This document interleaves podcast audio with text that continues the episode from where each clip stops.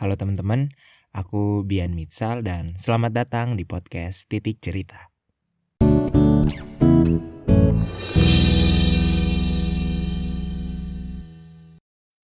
Oke, seperti janjiku di Instagram beberapa waktu lalu, kalau episode podcast Titik Cerita di akhir pekan ini akan membahas tentang kontes bakat Indonesia. Ada suara pintu guys. Kemarin aku kan sempat buka kolom pertanyaan buat nanyain di Instastory ke teman-teman IG ku kontes bakat apa dan jebolan peserta jebolan kontes bakat tersebut yang mereka paling ingat. Itu aku buka di Instagram pribadiku di @bianmitsal dan juga di Instagram podcastku di @titikcerita.podcast. Nah, sekalian promosi nih, kalian juga bisa follow nih Instagram podcast titik cerita di @titikcerita.podcast. Tapi sebelum ke situ, aku mau ngelis nih apa saja jenis kontes bakat yang ada di Indonesia dan apa aja nama show dari kontes bakat tersebut berdasarkan ingatan aku dan berdasarkan yang aku ikutin aja. Jadi podcast episode akhir pekan kali ini adalah membahas kontes bakat Indonesia versi Bian Mitsal. So just enjoy the list. Yang pertama adalah kontes bakat di bidang masak tentunya yang teman-teman pendengar paling ingat pasti adalah Master Chef Indonesia. Terus ada Hell's Kitchen dan ada juga Iron Chef. Aku nggak ngikutin semua sih dan kayaknya masih ada lagi di kompetisi-kompetisi masak lainnya. Cuman mungkin yang paling gaungnya itu adalah Master Chef ini. Dan aku juga nggak begitu ngikutin Master Chef karena uh, semua jagoanku di Master Chef itu nggak pernah masuk final macam-macam Ibu Angela dari Manado, Bayu penjual ayam dan yang terakhir adalah Vivin. Kalian tahu Vivin yang sangat lucu itu. Udah keluar dan ya itu jagoan-jagoanku itu nggak pernah masuk final atau at least sampai babak yang mendapatkan chef jacket. Kenapa ya peserta-peserta yang nggak ada drama-dramanya gitu nggak pernah bertahan lama? Ya kurang gimmick dan entertaining kali ya. Nggak tahu juga sih ya, malas nyusingin juga. Oke lanjut. Yang kedua adalah kontes bakat di bidang komedi. Apa yang kalian ingat dari kontes bakat di bidang komedi di Indonesia? Cuma Suci dan Suca saja kah? Suci Suca ini bukan orang kembar ya. Maksudnya stand up komedi Indonesia atau stand up komedi akademi saja kah? Nih, jauh sebelum ada kompetisi stand up komedi Indonesia di Kompas TV dan stand up komedi akademi di Indosiar, ada kompetisi untuk pelawak dengan nama show yaitu Audisi Pelawak TPI yang disingkat API. wow, ini program TV zaman MNC TV masih bernama TPI. Jadi sekitar tahun 2005-an uh, ada acara acara kontes bakat bernama API Audisi Pelawak TPI. Nah, acara ini berbeda dengan kompetisi komedi sejenis Suci dan Suca karena kalau kompetisi stand up komedi Akademi dan stand up komedi Indonesia itu kan pelawak tunggal. Sedangkan API adalah kontes pelawak bergu atau grup. Nah, Sule adalah salah satu jebolan ajang ini. Dia tuh juara juara satu musim pertama apa musim kedua ya lupa. Pertama kali ya, musim pertama dengan nama grupnya yaitu SOS, Sule, Oni, dan Sogi. Nah, ada juga nih grup lawak yang seangkatan deh kalau nggak salah bernama grup lawak Baja yang masih eksis sampai sekarang. Dulu kenapa ngikutin API itu ya karena di TPI dulu zaman masih TPI aku ngikutin kontes dangdut Indonesia gitu. Jadi nontonin KDI. Eh, dulu zaman masih TPI sih namanya kontes dangdut TPI sekarang karena berubah menjadi MNC TV jadi ya kontes dangdut Indonesia. Selain api dan stand up komedi, dulu ada lagi kontes bakat yang menyaring talent-talent komedi untuk ekstravaganza. Di Trans TV dulu yaitu apa ya nama shownya ya? Aku lupa tapi pesertanya adalah Omes dan Pam Pam itu seingat aku dua itu adalah jebolan dari ajang tersebut sistemnya tuh aku nggak tahu ya. Pokoknya dia kayak tampil tiap minggu dinilai terus nanti ada yang layak apa enggak buat ikut itulah ikut ikut sitkomnya ekstravaganza gitulah gitu. Lanjut itu adalah kontes bakat yang jenisnya umum seperti Indonesia Mencari Bakat dan Indonesia Got Talent. Indonesia Mencari Bakat ini adalah eh, MC-nya adalah Ananda Omes ini yaitu dan Indonesia Got Talent itu dulu uh, sebelum dipegang hak siarnya oleh SCTV dulu dipegangnya oleh hak siar dipegang hak siarnya oleh uh, Indosiar zaman uh, jurinya masih Anjas Mara terus Vina Panduwinata dan Ria Irawan dan yang terakhir itu yang kontes bakat yang paling banyak show-nya jenis reality show-nya yaitu adalah kontes bakat menyanyi. Mulai dari Akademi Fantasi Indosiar, lanjut Indonesian Idol, lanjut Mama Mia, terus ada KDI, X Factor, Rising Star, The Voice Indonesia, Dangdut Academy, Liga Dangdut, Bintang Pantura, Terus ada yang versi-versi juniornya, Avi Junior, Idola Cilik, Indonesian Idol Junior, dan The Voice Kids Indonesia. Dan masih banyak lagi. Tapi aku nggak akan bahas semuanya satu persatu. Di sini aku cuma mau menyampaikan point of view dari Bian Mitsal tentang beberapa kontes bakat Indonesia yang kusebutkan tadi. Tapi lebih ke kontes bakat nyanyi aja biar nggak kepanjangan, beserta dengan fakta-fakta tentang peserta dari ajang bakat yang tadi kusebutkan dimulai dari AFI, Akademi Fantasi Indosiar. Ini adalah kontes bakat Indonesia yang paling pertama yang muncul di stasiun TV Indonesia. Meskipun dulu ada kontes bakat, kontes nyanyi bernama Asia Bagus, tapi setauku ajang itu bukan resmi milik Indonesia. Cuman karena pesertanya ada orang Indonesia, jadi kayaknya ada hak siarnya aja gitu dulu di TV Indonesia yaitu di RCTI. Nah, si Avi inilah yang resmi kontes bakat dari Indonesia pertama yang muncul di TV. Istilahnya nenek moyangnya kompetisi lah. Dulu tuh orang-orang nyebutnya Ferry adalah nenek moyangnya kompetisi karena dia adalah pemenang pertama untuk kontes bakat nyanyi pertama di Indonesia. Nah, Avi ini kalau menurutku adalah kontes bakat yang paling menjual dan paling niat. Mengapa? Karena emang dari konsepnya yang namanya akademi, itu benar-benar diwujudkan konsep akademi di karantinanya itu seperti seolah-olah sedang dalam lingkungan perkuliahan di bidang seni yang mana ada kelas aktingnya oleh almarhum Didi Petet, ada kelas vokal coachingnya oleh oleh Mbak Berta, terus ada kelas modelingnya, biasanya ngundang Arzeti Bilbina untuk gimana caranya act like a star in stage gitu, terus ada kelas Koreanya juga yang dibina oleh Mas Ari Tulang. Dan yang paling penting adalah adanya kelas pendampingan psikologi oleh ibunda kesayangan kami, yaitu Bunda Romi. Yang sebenarnya Romi itu adalah nama singkatan dari nama panjangnya Rosmini. Nggak tahu ya ini nama KTP atau nama panggung aja ya, tapi terkenalnya adalah Bunda Romi gitu. Nah, kayaknya sekolah-sekolahan tuh juga terinspirasi punya kurikulum BK bimbingan konseling itu tuh karena Avi ya apa apa gimana gitu ya. soalnya dulu aku SD kayak nggak ada guru BK terus ke sini sini tuh baru ada lagi tuh guru BK gitu nggak tahu nih kalau kalian nih guru BK tuh udah ada dari SD nih. SD apa enggak nih buat teman-teman angkatan kelahiran 90 nih? Nah keunikan Avi zaman dulu adalah identik dengan koper saat eliminasinya. Tentunya masih pada inget kan? Koper yang kalau dipikir-pikir lagi itu kan koper sekecil itu bawa baju yang berbulan-bulan ya kok cukup gitu. Padahal itu kan cuman gimmick doang gitu. Dan saat eliminasi itu nah ini nih Avi itu kalau eliminasi nggak pernah nyebutin siapa yang tiga terbawa atau dua terbawa gitu. Jadi setelah mereka nyanyi dem songnya udah langsung berang, merangkul semua 12 peserta atau berapa peserta yang tersisa. Dan Adi Nugroho menyebutkan siapa yang harus pulang diiringi dengan permintaan maaf dan tangisan peserta lainnya yang pulang. Yang ya Allah mbak. Menisendu ciga naon wae atuh. Ah kalau aku tuh ngikutinnya ya cuman Avi satu doang sih kalau Avi ini kalau Avi berikut berikutnya nggak begitu ngikutin Avi satu tuh ngikutin dari mulai dari keluarnya Lasmi Hera Yeni. Nah, Yeni ini nih ya, kalau aku nonton lagi tayangan Avi di YouTube, aku perhatiin kok mukanya mirip Dian Ayu, istrinya Omes gitu, versi lebih training aja gitu.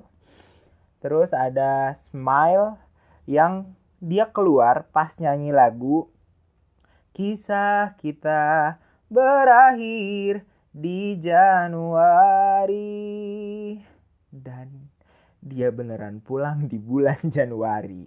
Makanya nih ya buat peserta kontes nyanyi nih, bye-bye dah tuh pilih lagu, takutnya emang bener-bener kayak smile gitu berakhir di Januari, eh bener pulang bulan Januari gitu.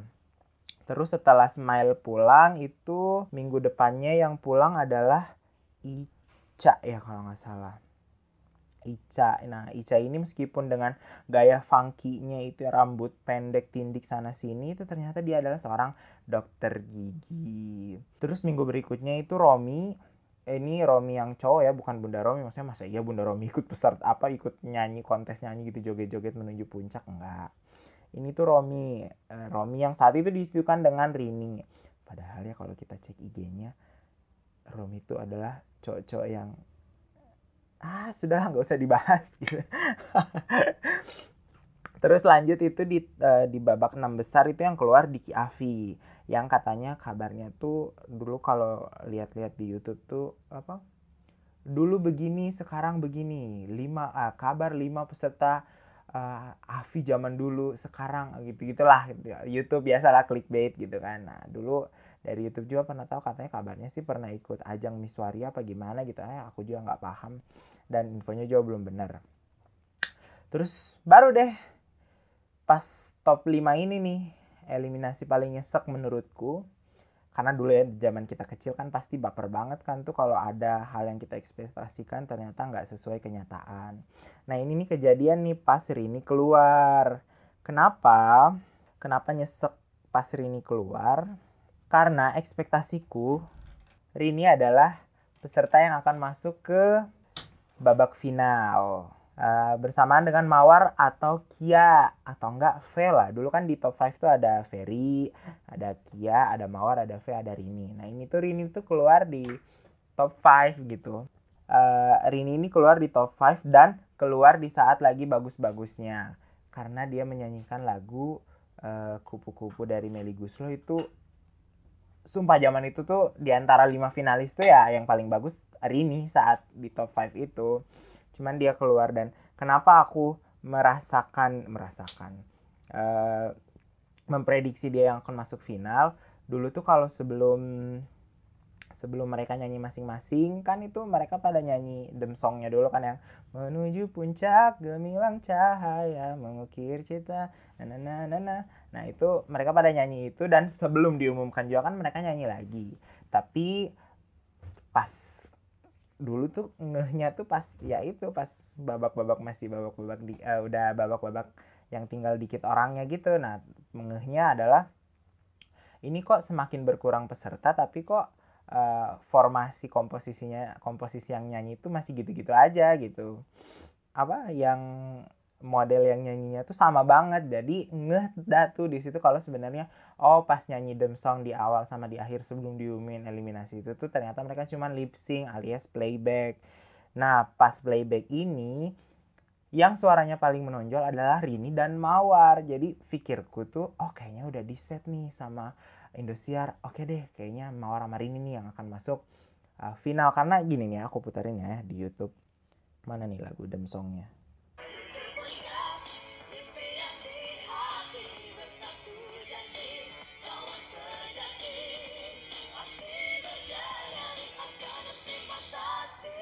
Nah, tuh.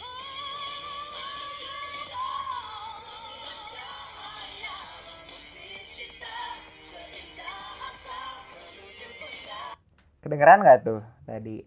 Suara Rini tuh yang Akademi Fantasi itu yang suara pakai suara falset itu kan suara Rini itu kan yang peserta di Avi 1 yang cuman yang suara bisa setinggi itu cuman Rini. Terus mawar bagian part yang wow wow wow gitu yang mau naik ke klimaks tuh kan mawar tuh. Ya dulu mikirnya ya udah pasti kalau nggak ini nih harusnya mawar nih yang ada di final gitu. Ternyata ya nggak masuk ternyata si Rini di keluarnya di top 5 terus oh yaudah berarti kalau bukan Rini dan Mawar Rini dan Vela at least masuk final bareng sama Kia. Eh nggak masuk juga V keluar di top 4 berarti yang di final adalah Ferry Kia dan Mawar. Dulu tuh jujur nih ya bukannya mau mengunderestimate atau apa emang dulu Ferry tuh tidak sebagus yang lain gitu masih bagus masih banyak yang bagus yang lainnya gitu. Cuman ya mungkin emang rezekinya aja emang dasar rezeki. Tapi salut juga sih dia bisa mampu mengangkat derajat keluarganya dari mengikuti kompetisi ini yang dulu kan sedih tuh dia diangkat kisahnya yang adalah anak seorang tukang beca gitu. Tapi akhirnya mampu menjuarai kontes sebergengsi Avi. Dulu tuh Avi gengsi banget tuh orang bisa masuk Avi bisa nonton secara langsung aja tuh gengsinya luar biasa. Tapi bahkan sampai di final pun aku masih kekeh harusnya mau orang yang juara harusnya mau orang yang juara. Ternyata enggak. Dulu tuh dulu tuh Mawar di grand final menyanyikan lagunya Siti Nurhaliza yang berjudul Betapa Aku Cinta Padamu. Itu bagus banget. Pakai gaun ungu rambutnya di ala-alain biasanya kan Mawar tuh kalau tampil tuh pakai jeans terus tangan jaring-jaringnya pokoknya lady rocker lah menurut dia dulu eh, konsep dia dulu gitu. Terus pas di final tuh anggun banget ya. Mawar kan serak-serak bahasa gitu kan sekarang.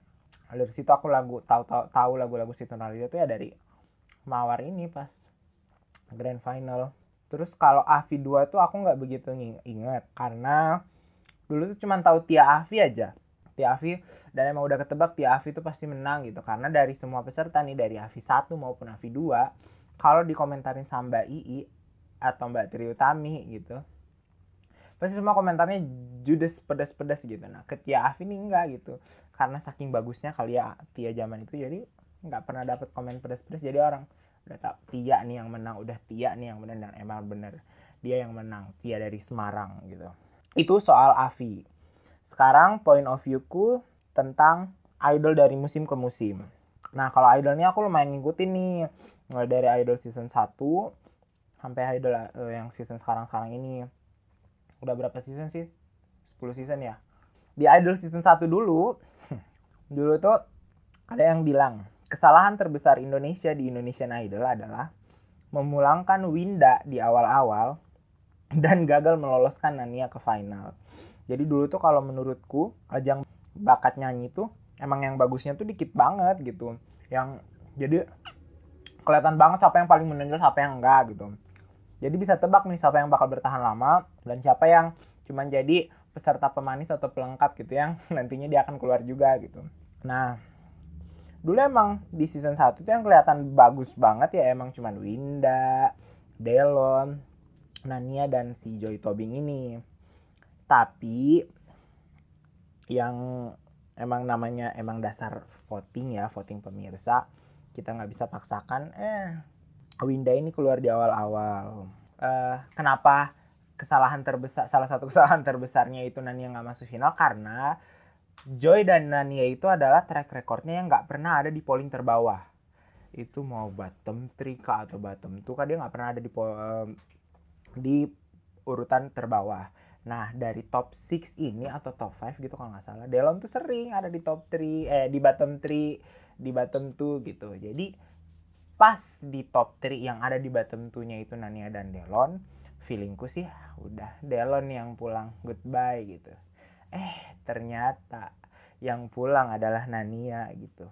Jadi emang dasar rezekinya Delon aja gitu ya. Buktinya pun pas di grand final meskipun udah ketahuan banget Joy yang akan menang, dan setelah Joy juara satu pun gelar idolnya dicabut karena ketahuan punya uh, sempat punya album religi. Jadi dulu kan uh, syaratnya peserta idol itu adalah penyanyi yang belum memiliki album. Album album apa single? Album deh kayaknya. Kalau single mah nggak apa-apa kalian ya. nah si si Joy Tobing ini tuh punya album religi. Jadi karena ketahuan dicabut gelar idolnya dan akhirnya di publik uh, Indonesian Idol yang juara satunya adalah Delon gitu. Emang rezekinya berarti terus lanjut ke season 2 season 2 sih yang ada di top 4 emang yang sampai sekarang masih eksis. Monita Monita Talahea Tahalea. Siapa sih kan Talahea ya. Monita ya itulah Monita yang tipe nyanyi sederhananya gitu. Sering muncul di festival-festival musik. Terus Firman yang masih sering muncul di TV-TV isi acara Judika yang bahkan sekarang jadi judges dan almarhum Mike sih yang ya sampai sekarang pun karyanya masih diapresiasi orang banyak Terus lanjut ke Idol season 3 itu di grand final ada Ihsan dan Dirli. Tapi kalau dari komposisi di top 3-nya pun ya aku sih ridho-ridho aja siapa pun masuk final gitu. Soalnya dulu Ihsan ya emang meskipun tidak sebagus Dirli sih penampilannya, but at least dia konsisten lah. Terus Dirli tuh sudah tentu, sudah jelas, sudah barang pasti akan bertahan lama karena dia adalah peserta cowok dengan wajah yang tampan dan suara yang sangat romantis yang tentu akan didukung oleh penggemar-penggemar wanitanya secara habis-habisan. Dan Gea nih, ini nih setelah munculnya Monita di season 2, tren menyanyi sederhana tuh bertahan nih sampai season 3 sehingga Gea ini Gea kan tiba-tiba nyanyi tuh Gea nyanyi-nyanyi yang ah simply easy going tidak tidak effort berlebihan gitulah bertahan di season 3 sampai top 3. Terus lanjut ke season 4, ini angkatan Rini. Angkatan Rini juga ini yang di top 4 tuh keren-keren sih, tapi ya udah ketebak Rini akan mendapatkan slot di final. Dulu di top 4-nya aja tuh sampai aku sendiri bingung mau ngedukung siapa, ngejagoin siapa. Karena emang empat-empatnya bagus. Sarah dengan karakter ngeroknya, sekarang dia jadi vokalisnya band Coklat.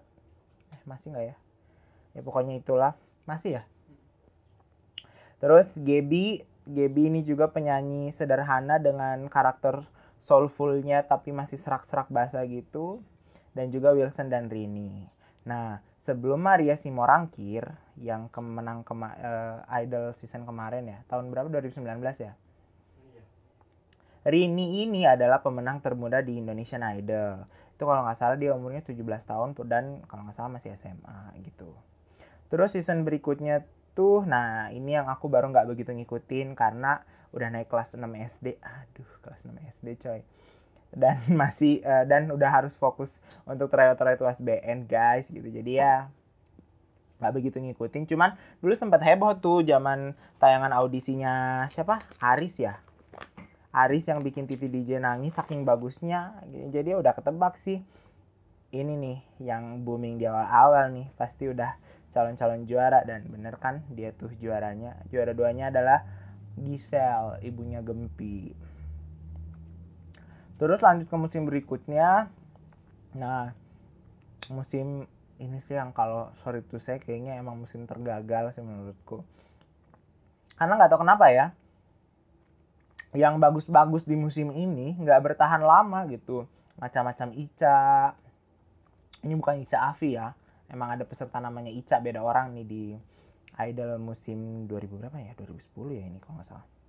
Terus Rio Basir terus ada Tessa gitu. Cuman Citra Skolastika nih mampu membuktikan meskipun dia juara dua pamor dia lebih bersinar dari Igo sang juara pertama. Eh tapi emang gitu ya kebanyakan ya yang bukan juara satu yang lebih eksis gitu.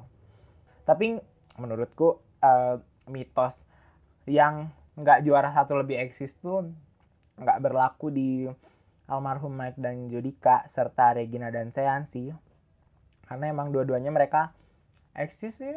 Almarhum Mike sama Judika sama-sama eksis punya karya besar begitu mau Regina dan Sean setelah idolnya beres. Nah season berikutnya ini nih yang kece banget. Indonesian Idol tahun 2012 nih angkatannya Regina Sean. Di top 6-nya tuh bahkan keren-keren semua.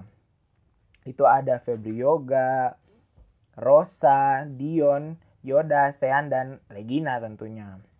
Saking bagusnya dan ketat-ketatnya persaingan di Indonesian Idol 2012, dari babak eliminasi, itu tuh udah banyak banget orang apa orang peserta yang bagus-bagus tuh dipangkas habis di situ. Dulu tuh aku ngejagoin kalau kalian sempat baca postinganku kemarin di Insta Story, aku tuh dulu ngejagoin halo Kak Anis Fulahil itu kan kemarin aku sempat instastoryin dia emang bagus banget bahkan sama Ahmad Dhani selama eliminasi eliminasi satu eliminasi dua eliminasi tiga dia tuh dipuji-puji terus. Eh tapi kenyataannya nggak lolos. Tapi emang idol musim ini emang kelihatan banget usahanya dari sang pemenang Regina Ivanova.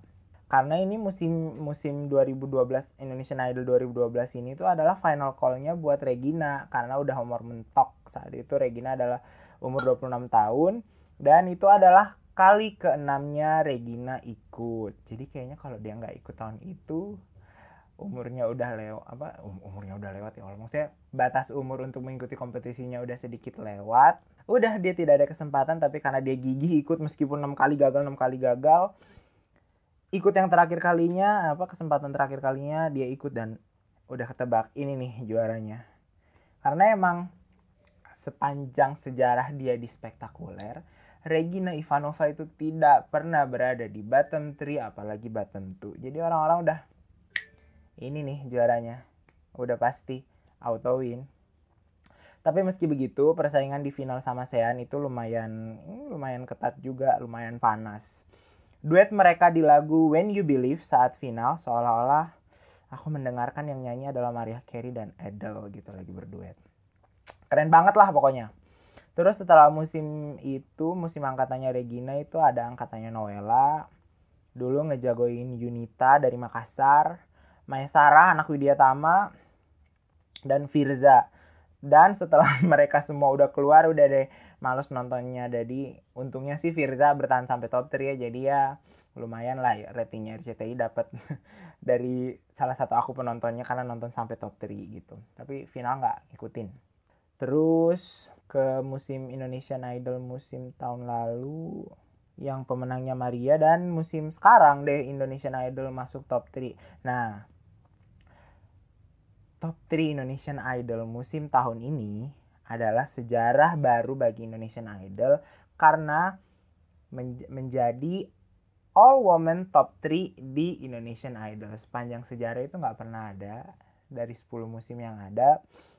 Dulu tuh Regina Sean adalah sejarah pertama all woman final. Tapi di top 3-nya itu ada Yoda Pratioda. Jadi kemungkinan untuk masuk finalnya cewek cowok itu masih ada gitu. Nah sekarang sih ini karena all women top 3 ya udah pasti nih sejarahnya all women final seperti Regina Sen itu terulang di tahun ini. Kita nggak tahu siapa yang akan masuk final nanti saksikan aja besok di RCTI. Ih, ih jadi promosi. ya pokoknya itulah kita tunggu aja nanti kelanjutannya soal soal final grand final Indonesian Idol gitu panjang ya bahasan point of view untuk Indonesian Idol. Kayaknya untuk point of view tuh cukup untuk dua kompetisi itu aja. Sekarang aku mau bahas fakta tentang kepesertaan dari peserta kontes bakat Indonesia. Wih, ini nih, mungkin banyak yang nggak tahu nih. Sudah aku rangkumkan listnya. Yang pertama, tahukah Anda, wih, kalau Kamasean Yemetus itu nama lengkapnya ya Kamasian Y Mateus ya pokoknya itulah. Yang merupakan runner up Indonesian Idol 2012 adalah peserta Avi Junior 3 ini buat teman-teman SD ku yang pernah diajari lagu Edelweiss Edelweiss Edelweiss ya gitulah pokoknya lagu Edelweiss yang pernah diajari oleh Pak Agus atau Pak Lodi sekedar info saja guys. Aku tahu lagu Edelweiss itu ya pas saya bawain di Avi Junior. Terus fakta kedua, Rina Nose adalah merupakan jebolan kontes bakat audisi pelawak TPI.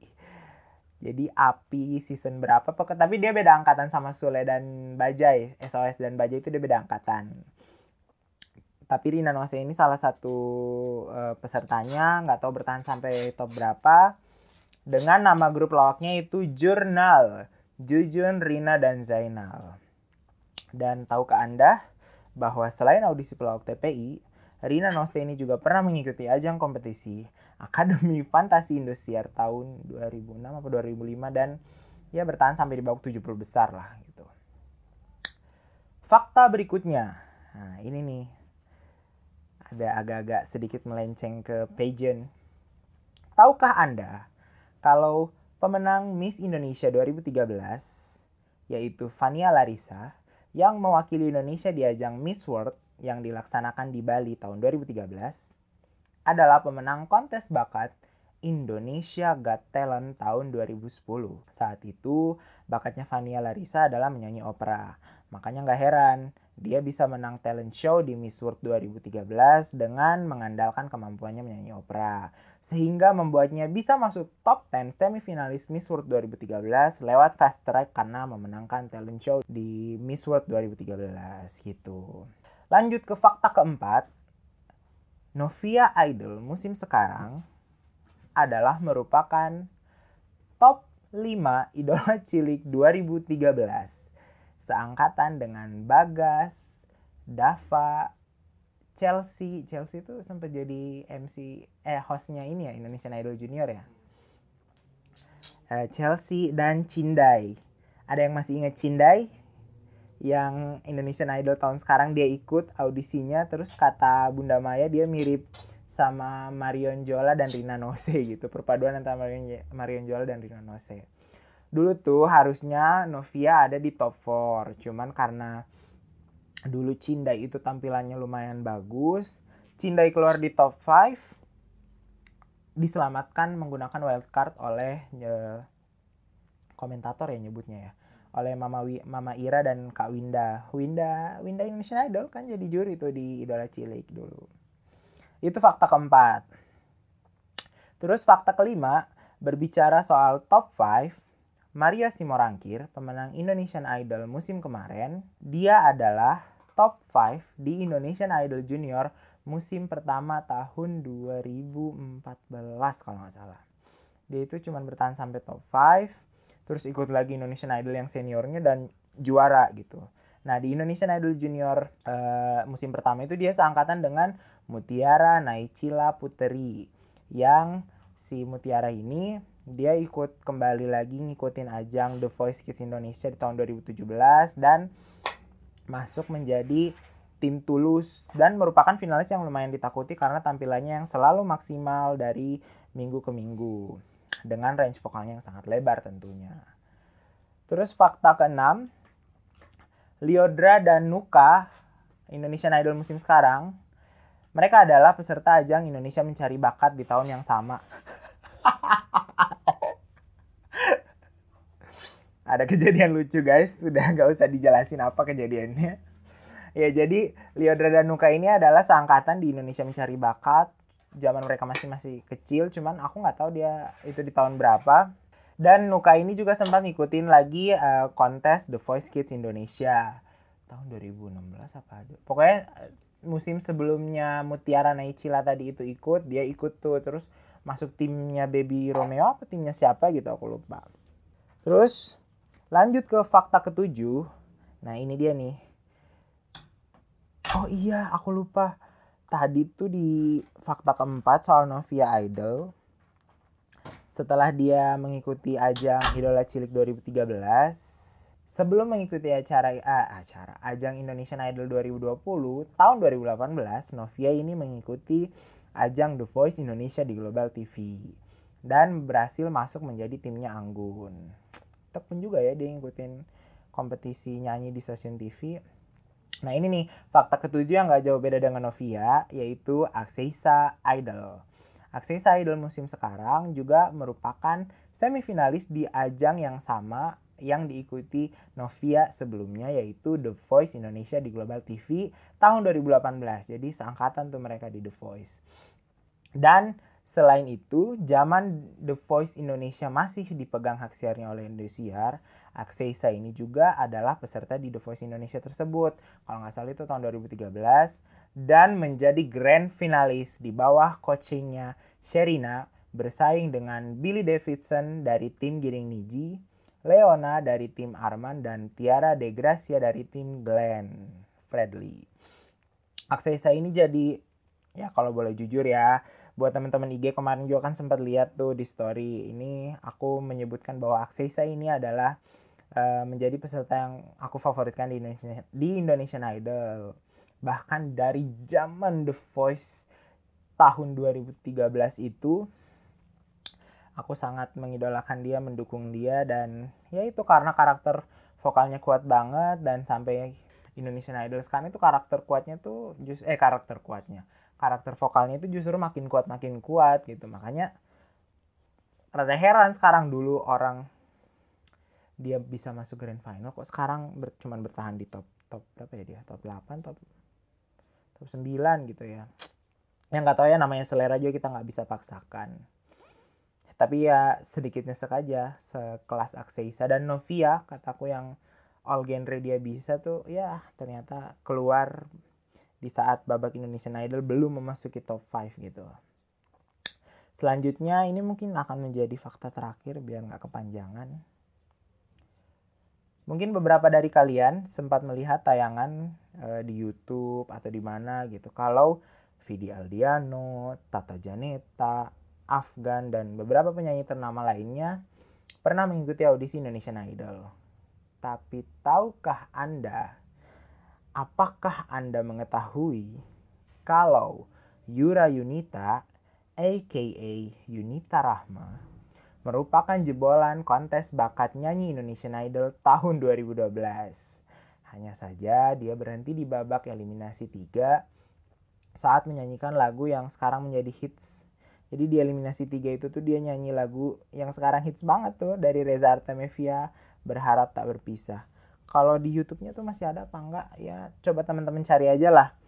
E, pokoknya Yunita tuh bertahan di eliminasi 3 dulu kan uh, Indonesian Idol tuh sebelum babak spektakuler atau babak showcase tuh ada babak eliminasi satu tuh nyanyi akapela perorangan terus eliminasi dua nyanyi ber, bergrup eliminasi tiga baru nyanyi satu lagu full gitu. Nah si Yura Yunita ini atau dulu masih nama Yunita Rahma berhenti di eliminasi tiga gitu. Tapi nggak cukup sampai di situ. Di 2012 si Yura ini gagal Yura ini ikutin lagi nih The Voice Indonesia di tahun 2013 yang zaman masih di Indosiar itu dan dia masuk timnya Glenn. Hanya saja dia juga gagal lagi dan berhenti di babak duel karena saat itu waktu dia duel dengan Tiara De Gracia ya tim uh, si tim Glenn. Si coach Glenn ini lebih memilih Tiara untuk lanjut dan dulu tuh belum ada sistem apa steal, belum ada ya kalau nggak dipilih bisa diambil sama coach lain gitu belum ada dulu. Tapi mungkin karena Glenn ini meyakini ada potensi kuat dari si Yunita ini, maka diajaklah si Yura ini kolaborasi di lagu Cinta dan Rahasia. Cinta dan Rahasia itu kalau nggak salah keluarnya tuh setelah The Voice banget beres deh. Coba cek aja tuh tahun keluarnya berapa, tahun rilisnya berapa. Dan kalau kalian nonton konser Yura, konser merakitnya Yura di YouTube, itu ada kok komen aku yang lumayan panjang dan lumayan banyak likes-nya tentang kepesertaannya Yura ini dari Indonesian Idol ikut The Voice gagal tapi sekarang bisa menjadi penyanyi beken gitu kan. Terus di menit ke berapa juga tuh ter tersorot terlihat Glenn Fredly berdiri dan ekspresinya menunjukkan seolah-olah aku bangga padamu nak. Karena bisa berkarya sejauh ini dan seka sekarang bisa bersanding dengan penyanyi wanita ternama di Indonesia. Gitu Mungkin segitu dulu untuk fakta tentang kepesertaan yang bisa aku rangkumkan buat kalian. Nah, kalau dari teman-teman pendengar ada yang mengetahui fakta-fakta lainnya, bisa bantu tambahkan lewat DM ke IG aku @bianmitsal atau Instagram dari podcast titik cerita di @titikcerita.podcast. Dan sebelum menutup podcast ini, aku mau baca ini hasil dari jawaban teman-teman di Instagramku yang aku tanyakan tentang kontes bakat dan peserta jebolannya jebolannya yang mereka ingat gitu. Bentar kita buka dulu. Dimulai dari yang pertama dari Ed Firman FP Andika. Aku siapa? Hmm, mentang-mentang namanya Firman kali ya. Kayak top 3-nya Indonesian Idol Season 2 gitu. Ini bukan Firman itu ya yang nanya. Yang nanya nih Firman pebulu tangkis gitu. Terus dari Ed Edward Bastian H. Titu. Waduh, Tika Tiwi itu ya. Eh, Tika Tiwi itu seangkatan sama Tia apa bukan ya? Bukan deh kali. Nggak tahu dia angkatan berapa. Pokoknya dia juga nggak menang tuh. Tuh dia juga nggak menang tapi lebih eksis dari pemenangnya. Indonesian dari Ed Aulia. Indonesian Idol yang generasinya Delon. Wow, ini generasi lama nih. Idol musim pertama banget nih Aulia ngingetnya. Terus ada dari at Ani WF. Idola cilik, idola semua idola. Itu jebolannya Sivia. Oh iya, Sivia tuh Sivia Azahra. Sivia siapa sih nama lengkapnya? Sivia aja pokoknya Sivia. uh, itu kan jebolan idola cilik terus ada Angel ada Chaka ada Chaka tuh sekarang pemain band terus ada Ivy Alisa terus Ray yang suka main drum jadi krunya penyanyi-penyanyi terkenal sekarang lanjut ada Ed Citos Mapata dia bilang Agatha Suci Indonesian Idol. Eh ini Agatha Suci angkatan berapa ya? Lupa lagi nih Agatha Suci nih angkatan berapa. Terus dari Ed Amha FDYH Amha Fadia. Kangen Mama Mia atau apa sih itu yang anak nyanyi sama mamanya? WK WK WK ya itu Mama Mia tuh jadi Mama Mia itu adalah oh iya kita kurang bahas Mama Mia nih Mama Mia itu adalah kontes bakat menyanyi yang mana uh, mamanya tuh nggak ikut nyanyi sebenarnya tapi mamanya itu memanajeri anaknya gitu. Jadi mamaku adalah manajerku gitu. Mama Mia Mama Mia ya, bersama-sama aku dan mama. Maju ke depan mundur ke belakang. Itu Mama Mia. Ngomong-ngomong soal Mama Mia ini ada fakta tambahan kalau ada yang tahu Wizi? Nah, Wizi itu adalah jebolan Mama Mia musim kedua. Dia adalah juara dua dari Mama Mia musim kedua. Juara pertamanya itu Maria Kalista Maria Kalista tau lah Maria Kalista yang mana gitu kan. Nah Cuman mungkin kalian nggak tahu kalau Wizi ini adalah jebolan dari apa? Dari Mama Mia yang mana dulu nama pesertanya adalah Williana dan Mama siapa gitu. Nah, si maknya ini suka pakai wig gitu. Terus dulu kan Mama Mia itu kan juri vote ya istilahnya bukan SMS. Jadi dari 100 orang yang diundang itu nggak tahu bener diundang apa cuma asal narik aja ngevote siapa yang mereka suka. Nah, karena si emaknya ini jago bikin gimmick, jadi tiap si Wiliana nyanyi emaknya ini kan pakai wig gonta ganti wig si emaknya tuh lip sync di pinggir panggung kan jadi suka kesorot sama uh, kamera terus ya mungkin jadi favoritnya juri votlog gitu bertahan lah dia sampai final itu juara satunya dulu Maria Kalista juara duanya Wiliana si Wizi ini juara tiganya tuh Via kalau nggak salah namanya oke lanjut itu terus dari Herdis underscore Ardiana Ferry Api. Api. Ferry mah Api coy. Oh iya, ini dia ada ada klarifikasinya. Sorry, Avi maksudnya. Oh. Ya Ferry itu juara satunya Avi musim pertama kan. Terus ada dari Phoebe underscore unders, underscore BEE. E. Kondang in, nggak tahu kan loh. Wah, bahas kondang in dia emang kupikir nggak tahu kondang ini tuh adalah kontes dangdut Indonesia yang mana dulu adalah jadi sebelum ada Liga Dangdut, sebelum ada DA, itu tuh dulu kontes bakat pertama di Indosiar, di Indosiar adalah Kondang In. Sampai dulu tuh Antangin atau apa gitu tuh dulu sponsornya tuh bener-bener ganti nama, ganti nama merek. Apa nggak tahu Kondanginnya yang ngikutin nama sponsornya apa gimana?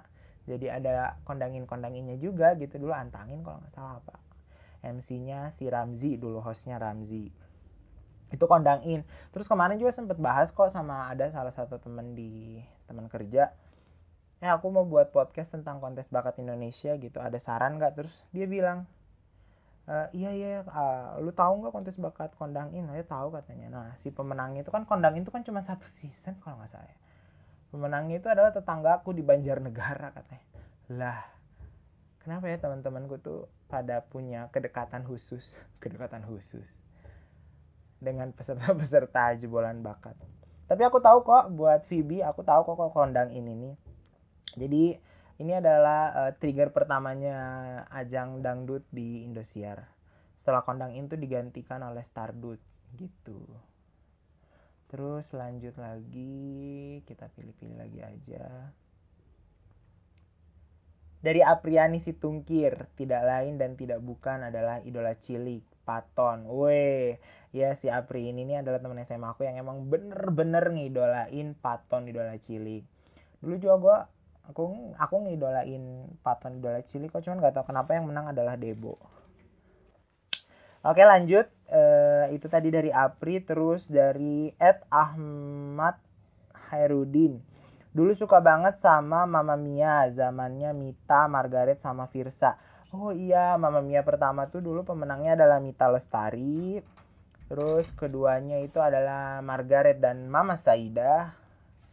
Terus yang ketiga itu adalah uh, Virsa. Virsa tuh yang uh, ada keterbatasan nggak bisa ngeliat gitu tapi suaranya bagus banget. Kalau nggak salah tuh dia kuliah di UPI deh apa gitu saya mungkin buat teman-teman yang tahu tentang kabarnya Fir sama Mia bisa bantu update kabarnya di DM IG terus dari Ed Hafisena The Master Indonesia Master Limbat. Wah ini nih yang kita kelewatan nih. Aku kelewatan nih ya ada kontes bakat ini juga. Pesulap dulu tuh The Master Indonesia namanya Nasi Limbat ini tuh dulu juara juara dua ya?